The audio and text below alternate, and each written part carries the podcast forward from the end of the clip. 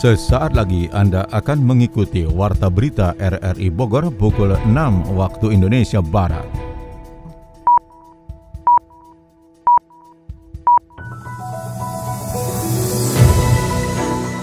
Selamat pagi. Saudara, kami kembali hadir lewat Warta Berita Senin 29 Agustus 2022. Siaran ini juga dapat Anda dengarkan melalui audio streaming RRI Play dan dapat Anda dengarkan kembali melalui podcast kami di Spotify, Anchor, Podtail, dan Google Podcast. Warta berita RRI Bogor ini juga turut disiarkan Radio Tegar Beriman Kabupaten Bogor. Berikut kami sampaikan berita utama. Polresta Bogor Kota menindak kasus perjudian baik di darat maupun online. Wali Kota Bogor melihat adanya indikasi premanisme di alun-alun Kota Bogor. Meski cabang olahraga baru, namun soft tenis Kabupaten Bogor optimis bisa meraih target 4 medali emas pada Porprov Jabar 2022.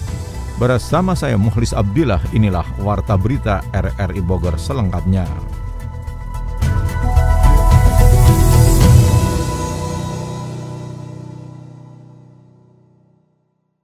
Saudara Polresta Bogor Kota menindak kasus perjudian baik di darat maupun judi online.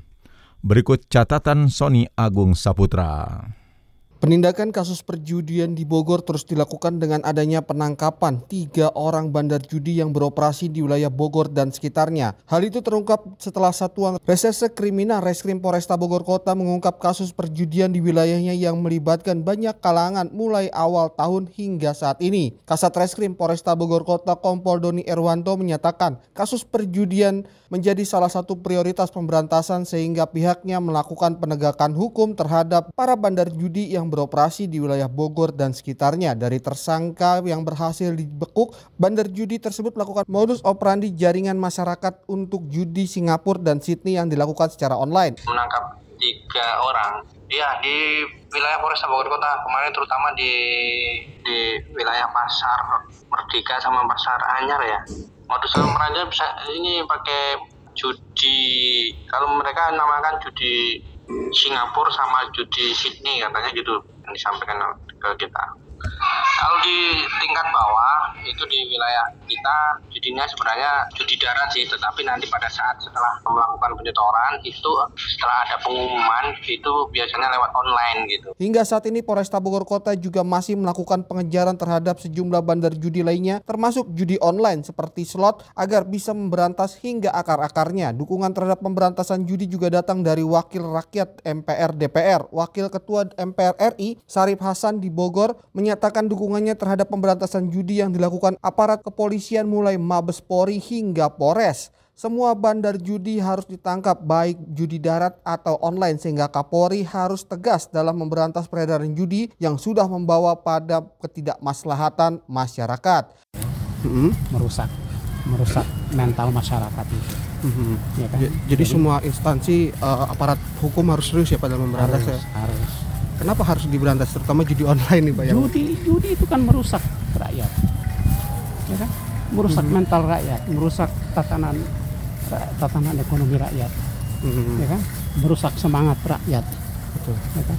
Jadi Kapolri harus sungguh-sungguh lagi iya, Pak ya. Iya. Wakil rakyat dari pusat hingga daerah akan terus melakukan pengawasan terhadap kinerja Polri sehingga salah satu barometer penanganan hukum untuk masyarakat terbebas dari judi online ataupun judi darat. Permasalahan perjudian itu akan menjadi topik dalam bincang pagi hari ini. Kemendikbudristek melalui Pusat Prestasi Nasional mengirimkan delapan pelajar terpilih Indonesia pada ajang International Earth Science yang ke-15 secara daring yang digelar sejak 25 hingga 31 Agustus mendatang di Aosta, Italia. Ajang bergengsi internasional kebumian antar pelajar tingkat menengah tahun ini diikuti oleh 304 peserta dari 40 negara.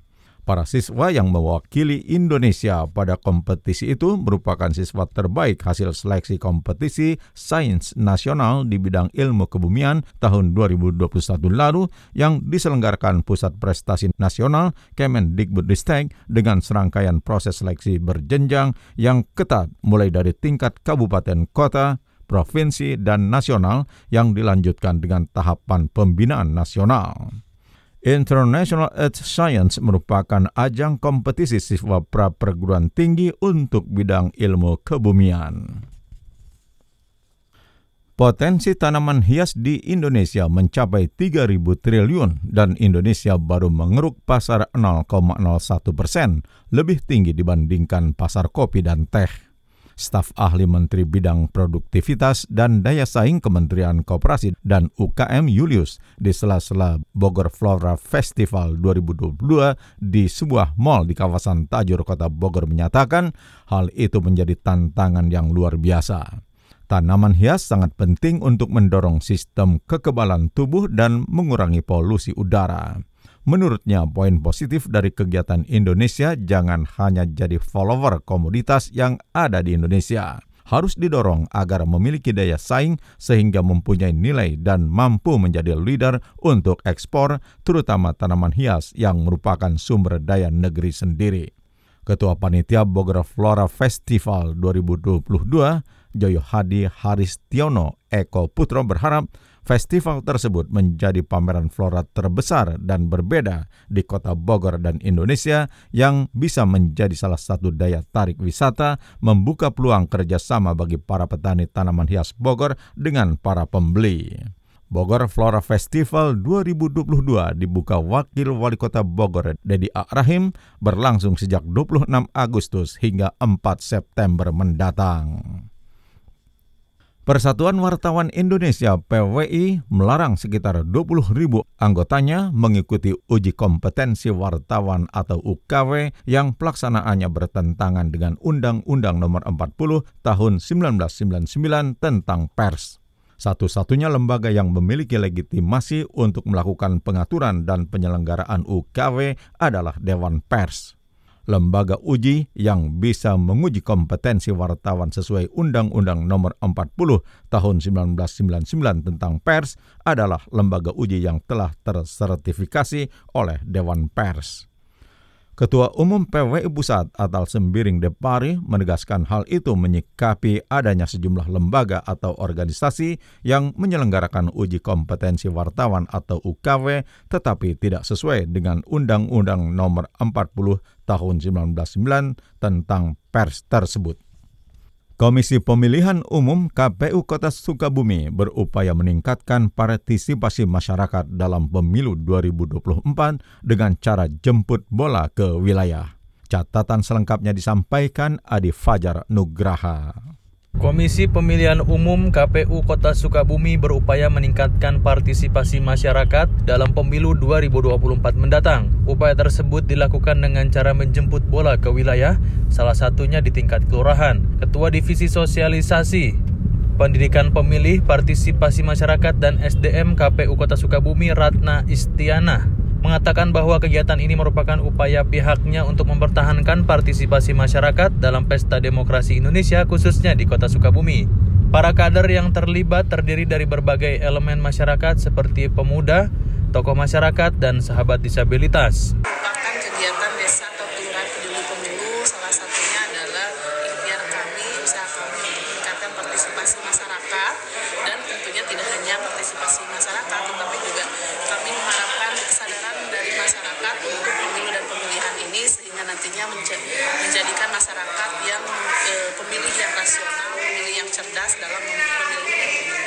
KPU Kota Sukabumi lanjut Ratna berupaya mempertahankan partisipasi masyarakat yang pada tahun 2019 sudah cukup baik dengan tingkat partisipasi mencapai 86,12 persen.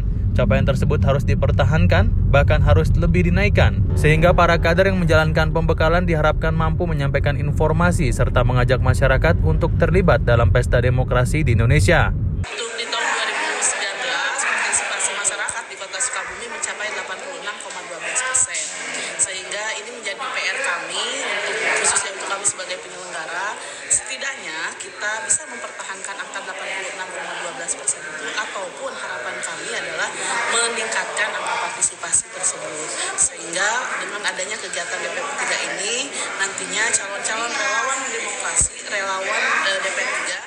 itu nanti bisa menyampaikan kepada masyarakat terkait informasi kepemiluan.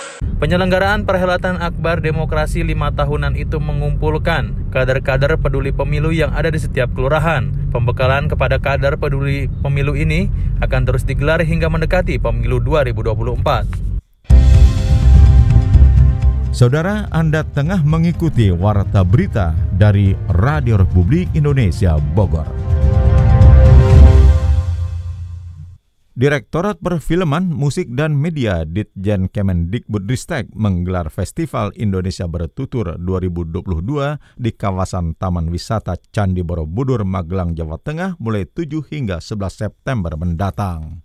Dirjen Kebudayaan Kemendikbudristek Hilmar Farid menyebutkan terdapat 20 cagar budaya yang menarik dan dapat ditarik sebagai bahan pembelajaran bagi masyarakat peninggalan-peninggalan arkeologi yang ada di Indonesia merupakan tanda peradaban. Seperti di kawasan Taman Nasional Lore Lindu Sulawesi Tengah tersebar situs-situs megalitium tertua di Indonesia dan telah menjadi warisan budaya dunia. Kita ujarnya harus bisa memanfaatkan keberadaan cagar budaya tersebut sebagai modal bagi generasi muda menghadapi situasi saat ini. Indonesia Bertutur 2022 yang mengusung tema mengalami masa lalu, menumbuhkan masa depan, hadir sebagai wadah untuk menjaga budaya secara keberlanjutan. Saudara, Wali Kota Bogor melihat adanya indikasi premanisme di alun-alun Kota Bogor. Berikut catatan Sony Agung Sabutra. Pemerintah Kota Bogor membuat alun-alun sebagai tempat berkumpul masyarakat, namun saat ini terindikasi menjadi tempat aksi premanisme. Hal ini terungkap setelah Wali Kota Bogor Bima Arya menunjukkan adanya indikasi aksi premanisme di alun-alun saat acara KNPI setempat. Wali Kota Bogor Bima Arya menegaskan jangan sampai ada aksi premanisme yang merugikan masyarakat saat melakukan aktivitas di alun-alun. Premanisme sudah lebih cenderung pada kekerasan dan meminta uang. Untuk itu pihaknya bersama TNI Polri akan melakukan tindakan tegas kepada oknum masyarakat atau lainnya yang terindikasi melakukan aksi premanisme. Dengan preman kita sikat. Ya, jangan-jangan yang tepuk tangan premannya aja. Ini saya serius nih, Pak Pras ya. Ini kan indah gitu ya.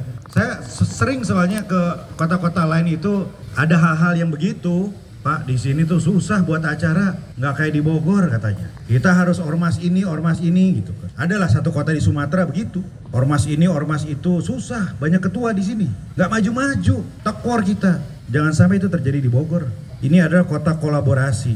Ini bukan kota tirani, bukan. Ya, jadi bagi para preman yang ada di sekeliling alun-alun menyingkirlah akan kita sikat. Sementara itu, Sekretaris KNPI Kota Bogor Rudi Zainuddin menilai penting untuk bisa meminimalisir atau bahkan menghilangkan aksi premanisme di alun-alun Kota Bogor. Upaya memberantas premanisme harus mendapat dukungan semua pihak sehingga masyarakat dapat beraktivitas dengan tenang dan nyaman karena ruang terbuka publik di alun-alun Kota Bogor sudah baik. Kapolresta ada dari kejaksaan. Semua yang ada premanisme di alun-alun ini akan diberantas. Setuju nggak? Nah itu janjinya Pak Wali tuh dengan Pak Kapolres kemarin dalam hal ini ke Bank Off dan kasih intel dari kejaksaan. Semua sepakat dan kemarin sudah ngecek dan insya Allah Bu ini UMKM UMKM ini ke depan bukan minta perlindungan sih sebetulnya Kang Artinya kami pun juga merasa punya bagian dari mereka. Kita pun sama. Bu Wali tadi sudah membuat yang namanya kampung perca dan lain-lain.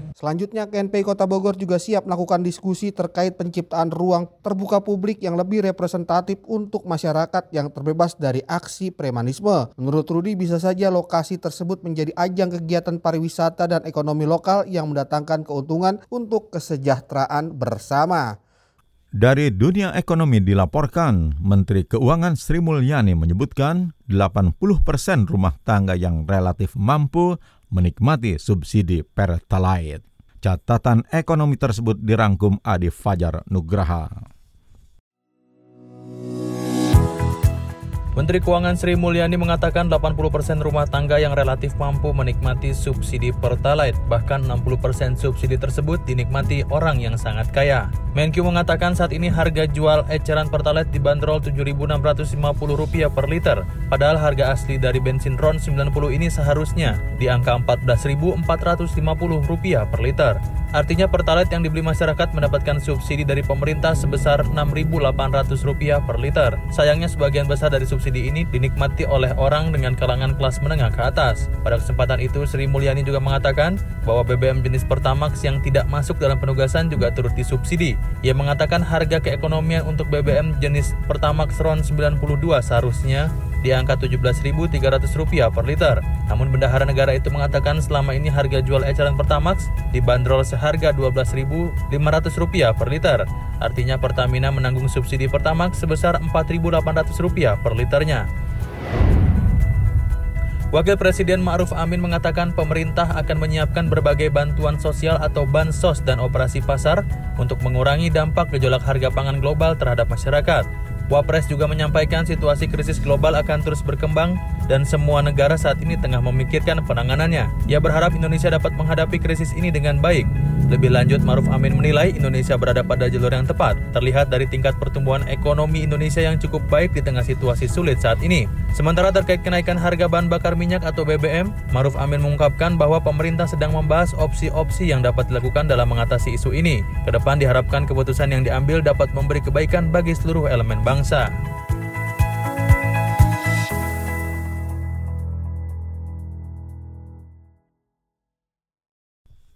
Pemerintah Kota Bogor terus melakukan penataan PKL dengan membangun pusat kuliner atau food court. Kali ini giliran PKL di sekitar kantor Kejari yang akan ditata. Wakil Wali Kota Bogor, Dedi A. Rahim, saat meletakkan batu pertama pembangunan pusat kuliner yang dinamai Bogor Creative Center atau BBC menyatakan pemerintah Kota Bogor ingin menata semua kawasan di Kota Bogor termasuk memperbaiki lapak-lapak PKL yang selama ini tidak tertata dan terkesan kumuh. Pemkot Bogor menggandeng PT Mayora Group yang memberikan bantuan CSR dalam pembangunan pusat kuliner atau food court tersebut untuk keindahan dan kebersihan yang lebih terjamin di mana pedagang dan pembeli sama-sama nyaman. Apalagi letaknya di lingkungan premium di samping Hotel Salak dan Kejaksaan Negeri Kota Bogor. Sementara itu, Regional Sales Manager Wilayah Bogor PT Mayora Group, Agus Putra mengatakan desain food court tersebut akan berbeda dengan dua food court yang sudah ada di Kecamatan Bogor Tengah, di mana food court tersebut akan mengusung konsep milenial dan go green karena pepohonan di sekitarnya tidak akan ditebang. Fasilitasnya akan ada booth pedagang, meja dan tempat duduk pengunjung, wastafel, musola, toilet, dan sedikit taman. Berita olahraga. Meski cabang olahraga baru, namun soft tennis Kabupaten Bogor optimis bisa meraih target 4 medali emas pada Porprov Jabar 2022. Itulah antara lain informasi olahraga yang selengkapnya disampaikan Ermelinda.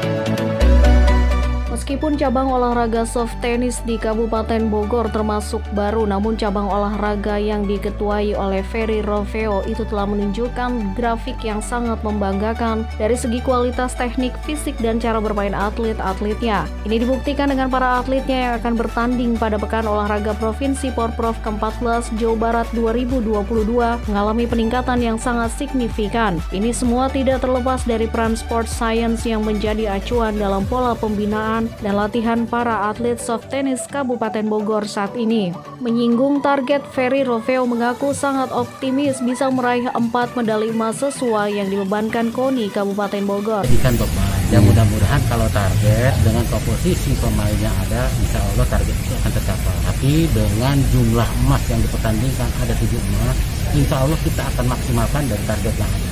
Lebih dari IPA kita usahakan. Mudah-mudahan dengan intensitas latihan pemain-pemain lokal dalam arti yang ada di kita ini, ya mudah-mudahan mereka lebih semangat gitu dengan adanya pera dari KONI. Itu kan pemicu semangat juga. Kemudian mereka lebih giat berlatih, dan bisa menghasilkan emas. Dan ini juga mesti ada. Karena itu tadi dengan hitungannya tryout keluar itu akan menambah mental uh, atlet-atlet kita yang ada. Supaya mereka juga tahu bertanding dengan lawan-lawan yang di luar dari kita. Persiapan atlet soft tennis Kabupaten Bogor terus digeber oleh pengcap olahraga tersebut. Ini mengingat kesiapan dari masing-masing atlet sangat penting guna menyongsong target 4 medali emas pada Porprov ke-14 Jawa Barat 2022 mendatang. Ferry juga menekankan para atletnya harus melakukan tryout atau uji coba dengan para atlet soft tennis daerah lain. Ini tuturnya sangat penting dalam mengasah mental bertanding para atlet soft tennis Kabupaten Bogor. Sementara itu, salah seorang atlet soft tennis andalan Kabupaten Bogor, Muhammad Hemat mengakui kalau para atlet rekannya sangat membutuhkan tryout agar bisa mengasah kemampuan sebelum event digelar. Ia pun optimis bisa meraih medali sesuai yang dibebankan oleh KONI Kabupaten Bogor. Tentunya dengan target yang diberikan oleh KONI dan Pesti Kabupaten Bogor yaitu empat medali emas tentunya akan menjadi penyemangat juga bagi kami dan tentunya kami akan berusaha untuk mewujudkan target tersebut dengan berlatih secara maksimal dan mempersiapkan diri secara maksimal. Para atlet soft tennis Kabupaten Bogor tambah ketua pengcapnya Ferry telah menunjukkan prestasi yang sangat membanggakan dan menunjukkan harapan cerah pada Porprov Jabar 2022. Bahkan capaian kualitas permainan, teknik, dan fisik para atlet saat ini tidak terlepas dari penerapan sport science yang dilakukan dalam latihan selama ini di lapangan tenis Pendopo Bupati Bogor. Atlet-atlet para bulu tangkis Indonesia meraih prestasi membanggakan pada tingkat internasional yaitu ajang Fox Indonesia para Badminton Internasional 2022 yang digelar di Gor Among Rogo Yogyakarta pada 23 hingga 27 Agustus. Dari 18 nomor yang dipertandingkan tim Indonesia secara luar biasa mampu memenangkan 17 di antaranya. Para atlet para bulu tangkis Indonesia mendominasi pada semua nomor baik dari tunggal putra-putri, ganda putra-putri, ganda campuran hingga kategori kursi roda. Sukses menjadi juara umum pada turnamen para bulu tangkis internasional bintang 3 itu. Mereka disambut gembira oleh Ketua Umum NPC Indonesia Seni Marbun. Ia menyatakan sangat bangga atas prestasi pemain-pemain Indonesia pada ajang tersebut. Menurutnya turnamen itu merupakan jawaban atas kerinduan pemain Indonesia untuk bisa berlaga pada ajang internasional. Prestasi tersebut tambahnya merupakan keberhasilan dari pembinaan yang dilakukan oleh NPC Indonesia serta dukungan penuh dari Kemenpora.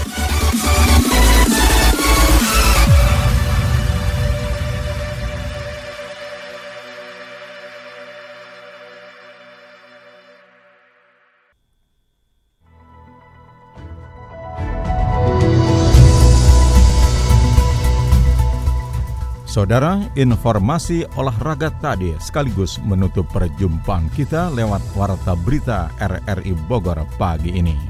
Sekali lagi kami sampaikan berita utama.